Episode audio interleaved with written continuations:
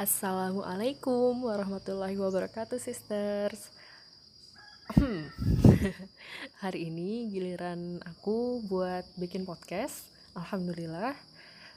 Hmm, Sebenarnya di waktu-waktu yang kayak gini nih Bingung banget buat bikin podcast.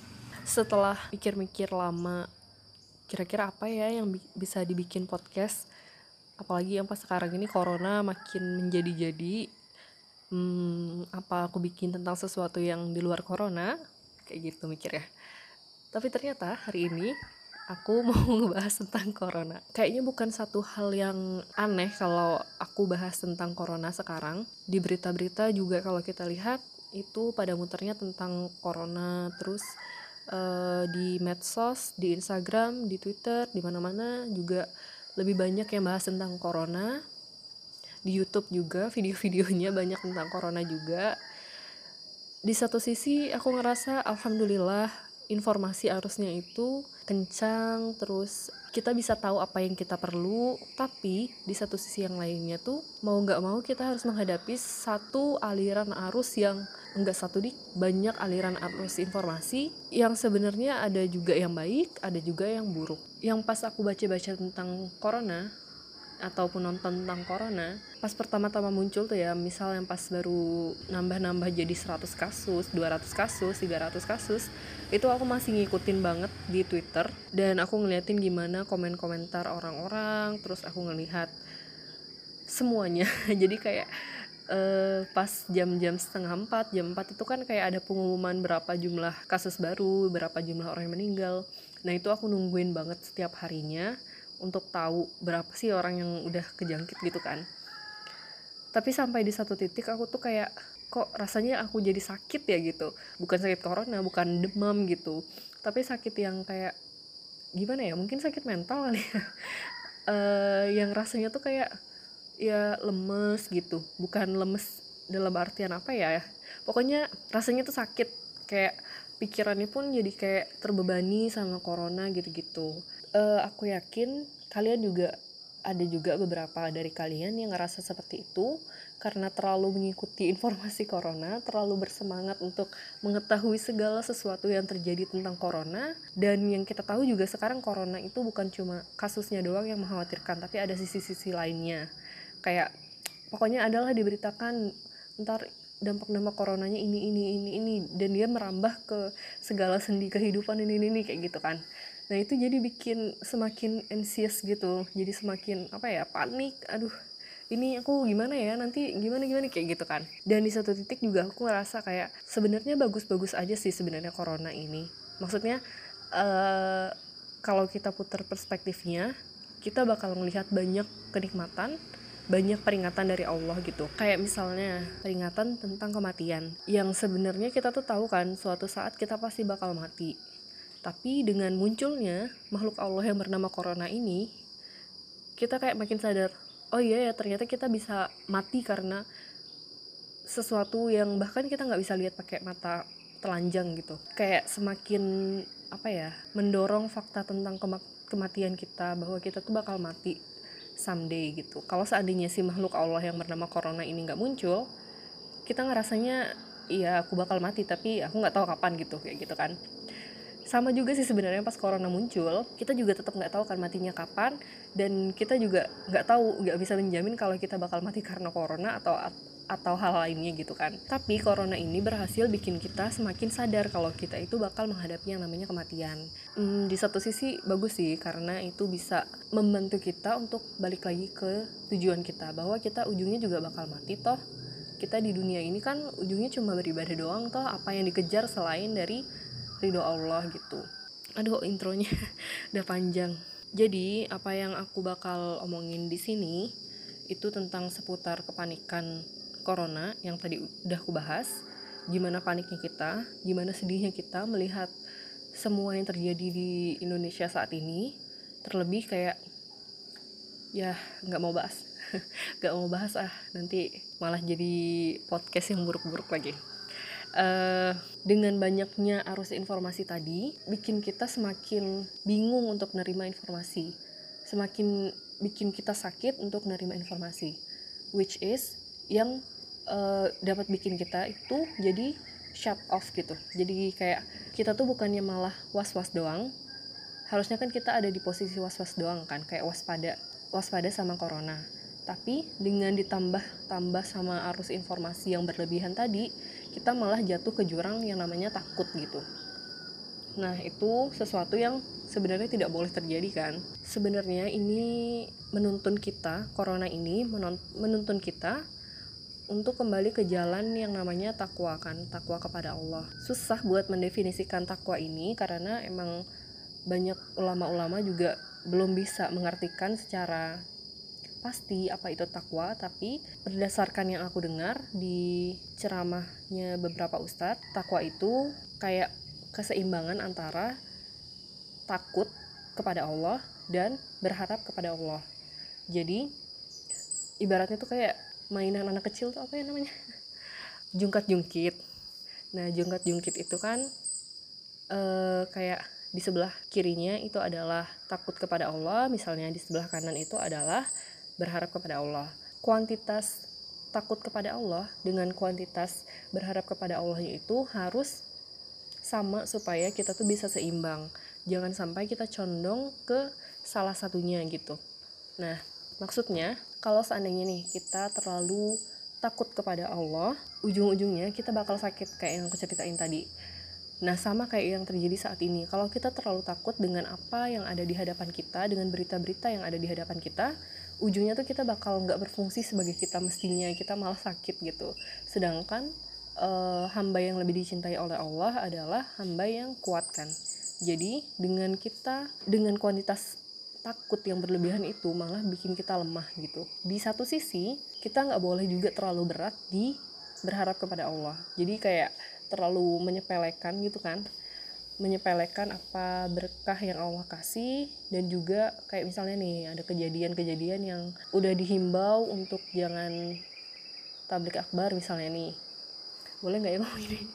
Gitu. Udah udah dihimbau buat nggak boleh kumpul-kumpul nih di masjid.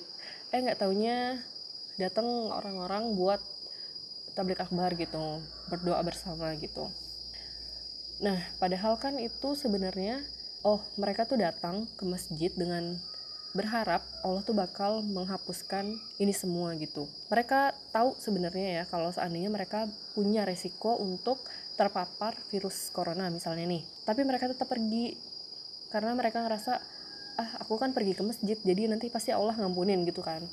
Nah, ini terlalu berharap kepada Allah gitu. Padahal ujungnya kita juga bakal merugikan orang lain kan.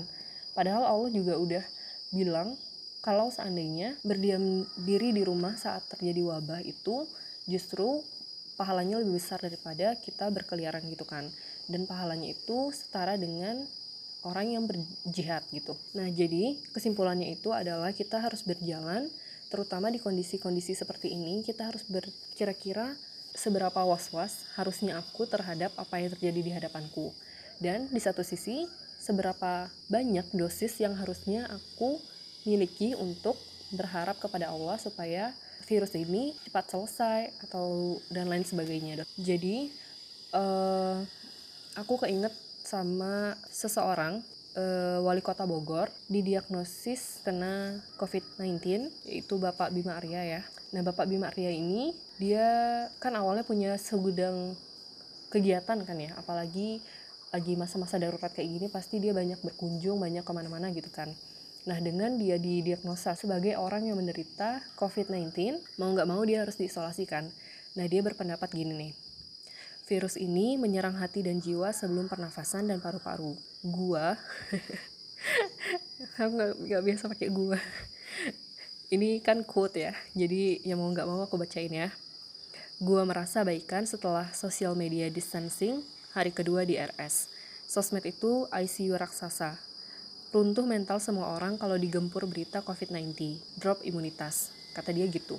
Aku sependapat banget nih, karena sebagai orang yang tadi aku ngeliatin komentar-komentar orang terhadap berita, gimana orang reaksinya terhadap berita.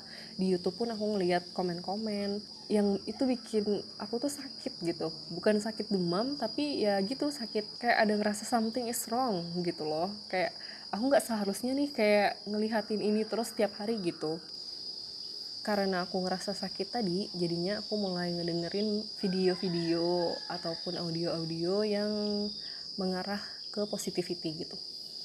Nah kebetulan Ustadz eh bukan Ustadz Syekh Syekh Umar Sulaiman itu banyak ngepost tentang coronavirus gimana coping dari berita-berita yang buruk tentang coronavirus gitu-gitu kan. Nah jadi aku coba untuk lihat. Ada satu hadis yang bikin aku ngerasa wah bener banget ternyata emang udah ada ajarannya dari dulu tentang gimana kita mengendalikan dosis berita buruk itu. Jadi hadisnya kayak gini. Oh iya btw ini hadisnya dalam bahasa Inggris. Jadi aku bacain bahasa Inggrisnya dulu terus aku artiin sebisa aku karena ya bukan menerjemahkan is not my capacity gitu. Jadi aku menerjemahkan sesuai apa yang aku pahami gitu. Abu Hurairah berkata Rasulullah Shallallahu Alaihi Wasallam went out to a group of his companions who were laughing and talking jadi Rasulullah Shallallahu Alaihi Wasallam itu sedang keluar terus melihat sahabat-sahabatnya itu yang sedang tertawa dan berbicara. Lalu Rasulullah SAW berkata, By the one in whose hand my soul is, if you knew what I knew, you would laugh little and weep much. Uh, intinya, Rasulullah itu berkata, kalau kamu mengetahui apa yang saya apa yang aku ketahui, kamu akan tertawa sedikit dan banyak menangis. Sampai sini ada sebenarnya hadis yang berbahasa Indonesia-nya tapi lanjutannya aku belum nemu gitu. Nah jadi uh, Rasulullah datang ke, bukan datang Rasulullah lewat para sahabat itu sedang tertawa dan sedang berbicara.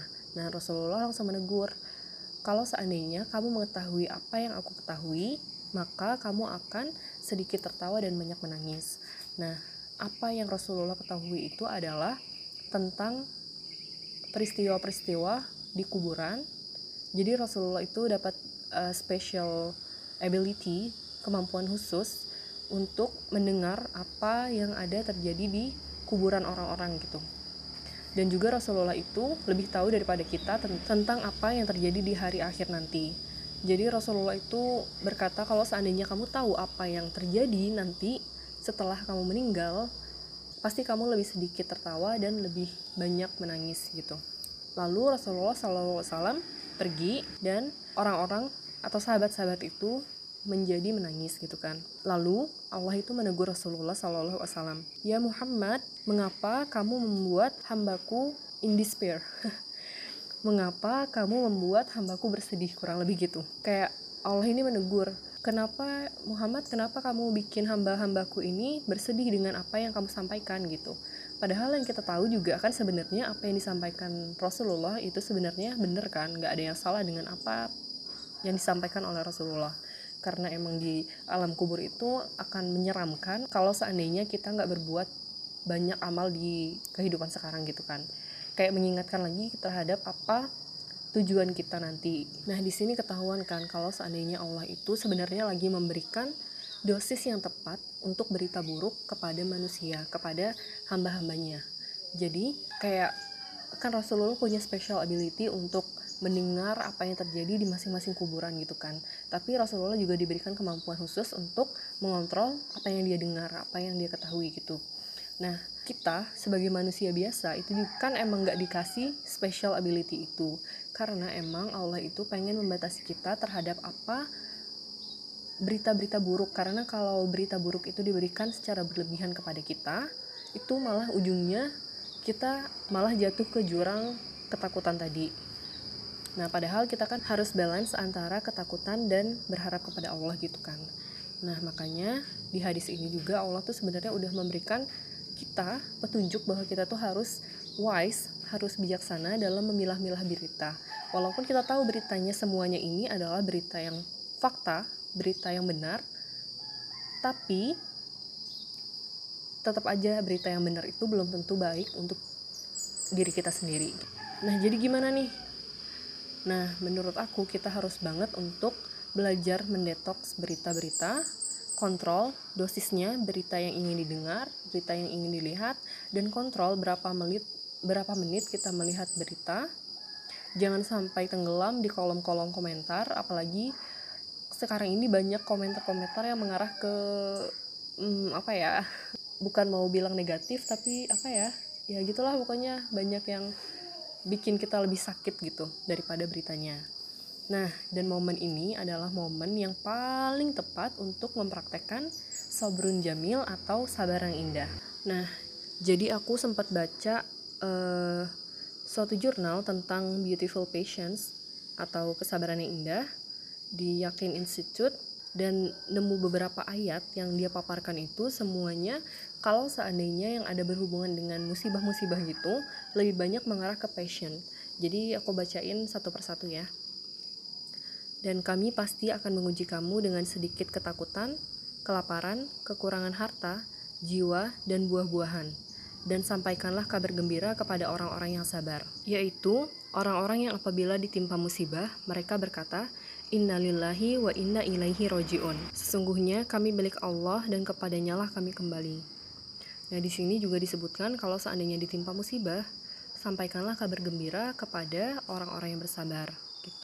Terus di hadis yang lain yang Masya Allah ini hadis termelegakan. Eh, sungguh menakjubkan keadaan seorang mukmin, seluruhnya urusannya itu baik. Ini tidaklah didapati kecuali pada seorang mukmin. Jika mendapatkan kesenangan, maka ia bersyukur, itu baik baginya. Jika mendapatkan kesusahan, maka ia bersabar. Itu pun baik baginya. Lagi-lagi di sini kalau seandainya disinggung tentang kesusahan, maka partnernya adalah bersabar. Kata kuncinya adalah bersabar. Sebenarnya sabar itu yang gimana sih sabar itu apakah kita menahan tangis apakah kita nggak boleh bersedih gitu kan sabar itu untuk tidak membiarkan stres dan emosi kita menyebabkan diri kita untuk bereaksi di harmful manner atau manner yang tidak baik whether by disobeying Allah or losing our self control baik itu dengan tidak mematuhi apa kata Allah ataupun losing our self control jadi kayak liar gitu mungkin. Intinya gitu ya. Ah, susah banget ini. Nah itu kan tadi baru arti dari kata sabar. Sedangkan yang di level tertinggi dari keimanan adalah apa hayo? Level tertinggi dari keimanan adalah beautiful patience di saat momen-momen kesulitan. Nah sebenarnya apa sih beautiful patience itu? Menurut Al-Qurtubi beautiful patience itu adalah saat-saat di mana tidak ada keluhan gitu. Itu arti arti singkatnya ya. Kalau ppkn kan arti ada arti singkat dan arti luas. Nah arti luasnya itu adalah beautiful patience itu adalah untuk menerima apa yang Allah kehendaki terhadap kita dan tetap menjalankan apa perintah Allah tanpa ragu dan tidak mempunyai rasa-rasa kayak marah gitu. Marah terhadap apa yang Allah kehendaki terhadap kita gitu. Nah tapi ada beberapa indikator yang menunjukkan beautiful patience. Jadi kan itu tadi pengertian yang abstraknya gitu kan. Nah ada beberapa tips-tips bukan langkah-langkah yang menunjukkan kalau itu kalau kita itu sebenarnya udah di tahap beautiful patience atau belum. Nah jadi uh, kita mesti belajar dari kisahnya Nabi Muhammad dulu. Kisah Nabi Muhammad Shallallahu Alaihi Wasallam yang pada satu waktu sedang berjalan dan menemukan seorang wanita yang lagi uh, apa lagi menangis di atas kuburan. Oh bukan di atas di samping kuburan dan Rasulullah SAW berkata kepada wanita itu be mindful of Allah and be patient. Jadi kata Rasulullah itu bersabarlah. Terus kata kata perempuannya ini go away from me pergi pergi kayak gitu. You have not been afflicted by a calamity like mine. Kamu belum pernah tertimpa musibah seperti saya kayak gitu. Nah wanita ini berani berkata seperti itu kepada Rasulullah SAW karena pada saat itu wanita itu ah banyak kali itunya. Wanita itu nggak tahu kalau Rasulullah itu uh, jadi si wanita ini belum tahu kalau Rasulullah adalah Rasulullah. Iya gitu. Pokoknya dia nggak tahu siapa yang menegurnya itu. Makanya dia berani berkata seperti itu tadi. Nah terus jadi setelah itu dia dikasih tahu bahwa yang menegur dia tadi adalah Rasulullah Shallallahu Alaihi Wasallam. Terus wanita itu pergi ke rumahnya Rasulullah Shallallahu Alaihi Wasallam. Dia bilang I did not recognize you. Aku nggak tahu kalau itu Rasulullah gitu. Terus Rasulullah Shallallahu Alaihi Wasallam berkata kepada wanita itu verily patience is at the first strike. Jadi patience itu atau kesabaran itu ada di pukulan pertama atau hantaman pertama. Jadi indikator yang pertama adalah beautiful patience itu adalah ketika kita sabar pada saat kita eh di saat dentuman pertama atau hantaman pertama Meaning, kalau kita baru dikasih tahu suatu berita yang buruk, kita tuh bisa menghadapi itu gitu.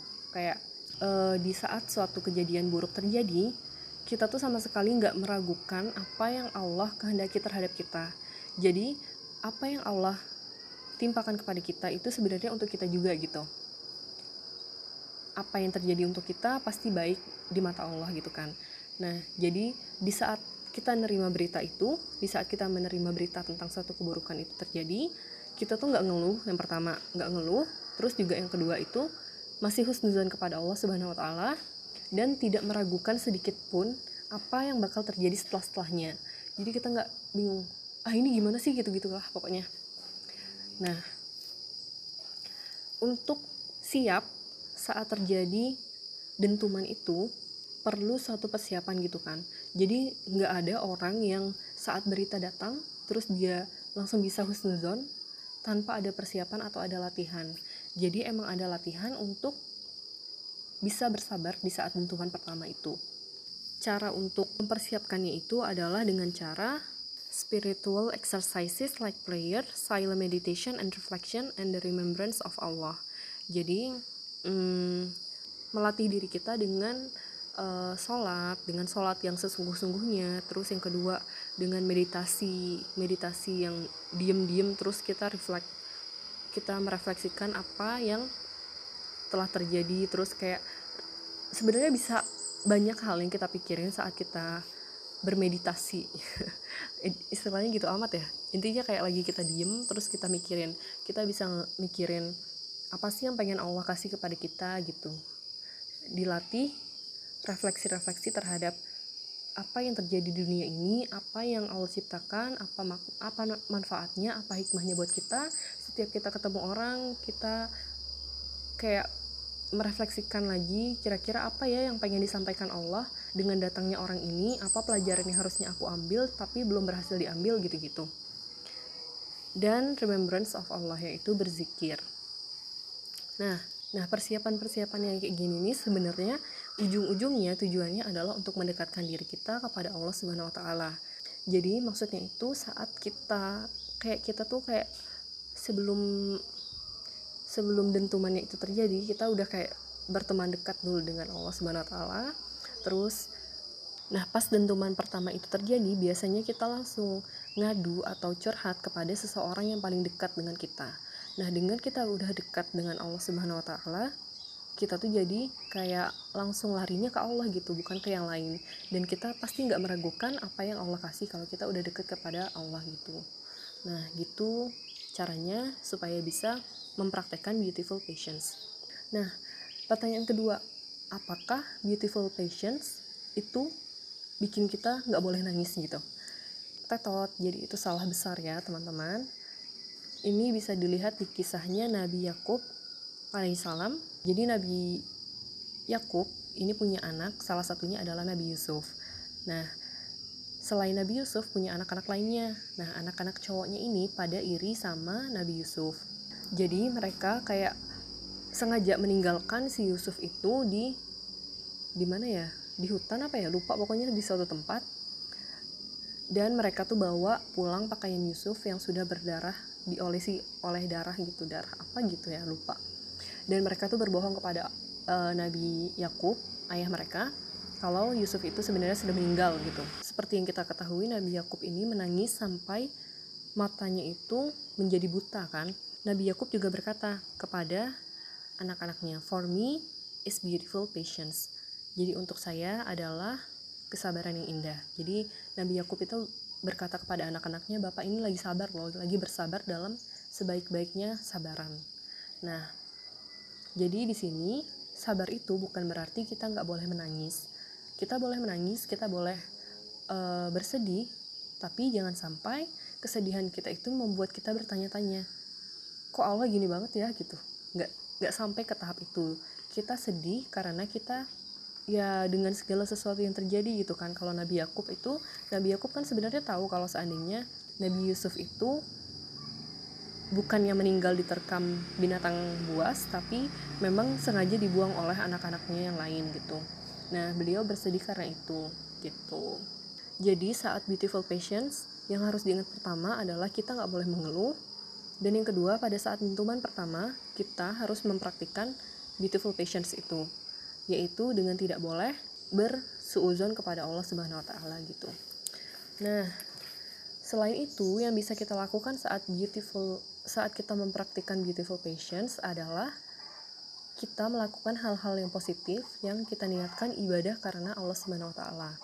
Jadi ada beberapa kegiatan yang bisa kalian lakukan untuk menemani kalian di rumah aja dan dengan tetap uh, apa ya jadi nggak cuma nonton-nonton bareng-bareng rebahan doang gitu loh. Jadi bermanfaat lah sedikit untuk bangsa dan negara gitu kan. Nah udah aku kumpulin nih ada beberapa. Jadi ini sebenarnya ada banyak yang aku mau kasih ke kalian tapi sebenarnya aku juga belum bisa mempraktikkan semuanya gitu. Jadi semoga di masa-masa karantina di masa-masa di rumah aja ini kita bisa mempraktikkan satu persatu. Oke, okay? amin. Yang pertama adalah baca buku. Pokoknya baca aja gitu. Apa aja boleh dibaca gitu. Supaya mengurangi screen time kita juga sih sebenarnya. Kalau seandainya kalian punyanya ebook ya udah nggak apa-apa baca ebook. Kalau kalian punya buku fisik, hmm, it's good too gitu kan. Tapi kalau seandainya kalian ah aku bosan baca gitu. Nah, ini ada yang kedua yaitu install Skill Academy. Jadi di sana lagi ada voucher gratis untuk satu kelas, bisa dipilih. Jadi kayak ada kelas misalnya kayak kelas TOEFL gratis, kelas apa ya kemarin tentang data data science dan yang itu juga gratis. Awalnya dia kelasnya 2 jutaan kalau nggak salah ya. Jadi bisa gratis gitu karena ada voucher yang di rumah aja itu bisa di searching sendiri ya di internet. Terus yang ketiga, install aplikasi Yakin Institute. Jadi di sana tuh ini aplikasinya gratis dan bisa lihat banyak hal tentang apa ya bisa ada tentang ceramah-ceramahnya tentang uh, banyak nih pokoknya bisa kalian install sendiri dan pun mereka lagi nerbitin banyak video yang berkaitan dengan coronavirus gimana coping untuk supaya nggak stres di tengah pandemi covid. Jadi for me it's good. Terus yang keempat beberes beberes rumah beberes kamar dan ini ke kesempatan emas buat nerapin teknik berberesnya Marie Kondo jadi bisa nih buang-buangin barang-barang ataupun uh, kayak kan kita biasanya cewek nih ya banyak baju-baju yang nggak kepake lagi sebenarnya masih bagus tapi nggak kepake nggak pernah kelihatan gitu.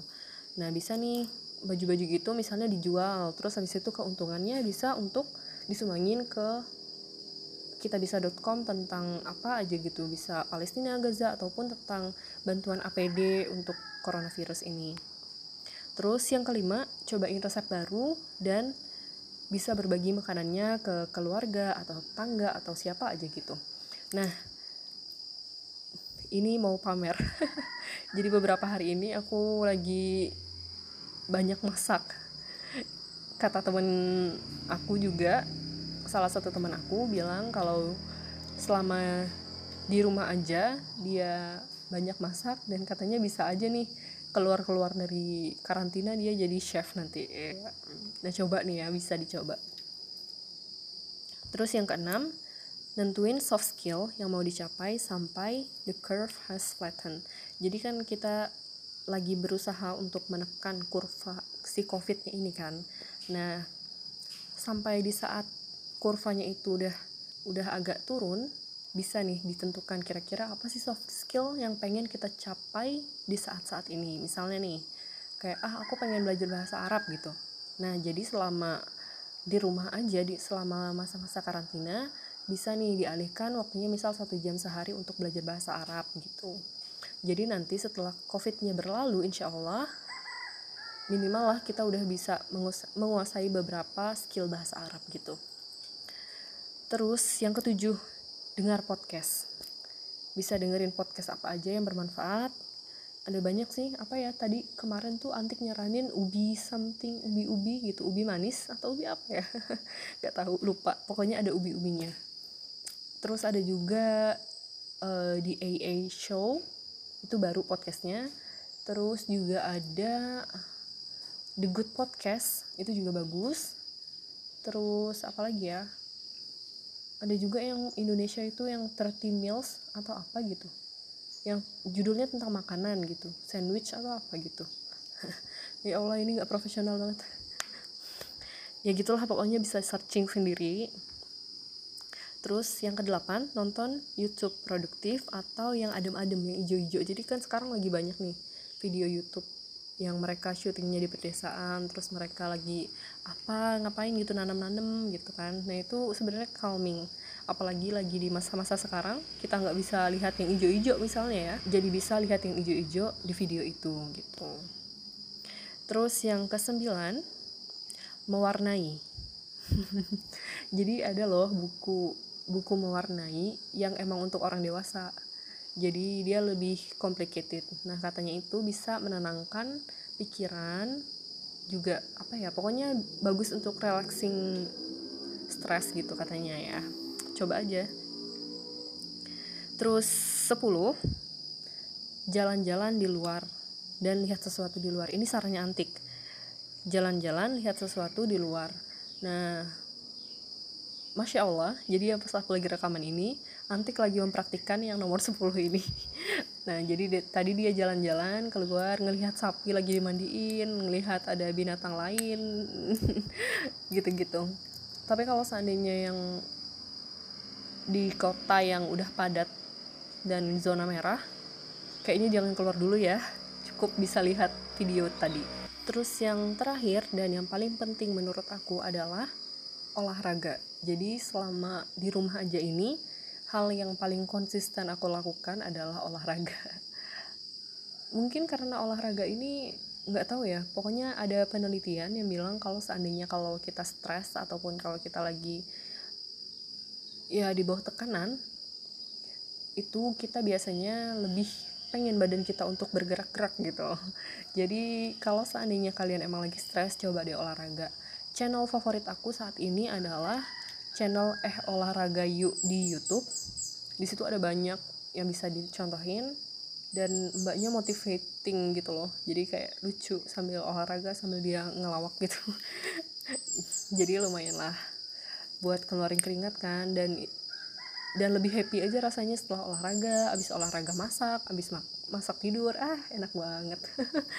Jadi uh, semoga usulan-usulan aku tadi bisa bermanfaat buat kalian dan diniatkan untuk ibadah ya supaya bisa dapat nih beautiful patience-nya gitu.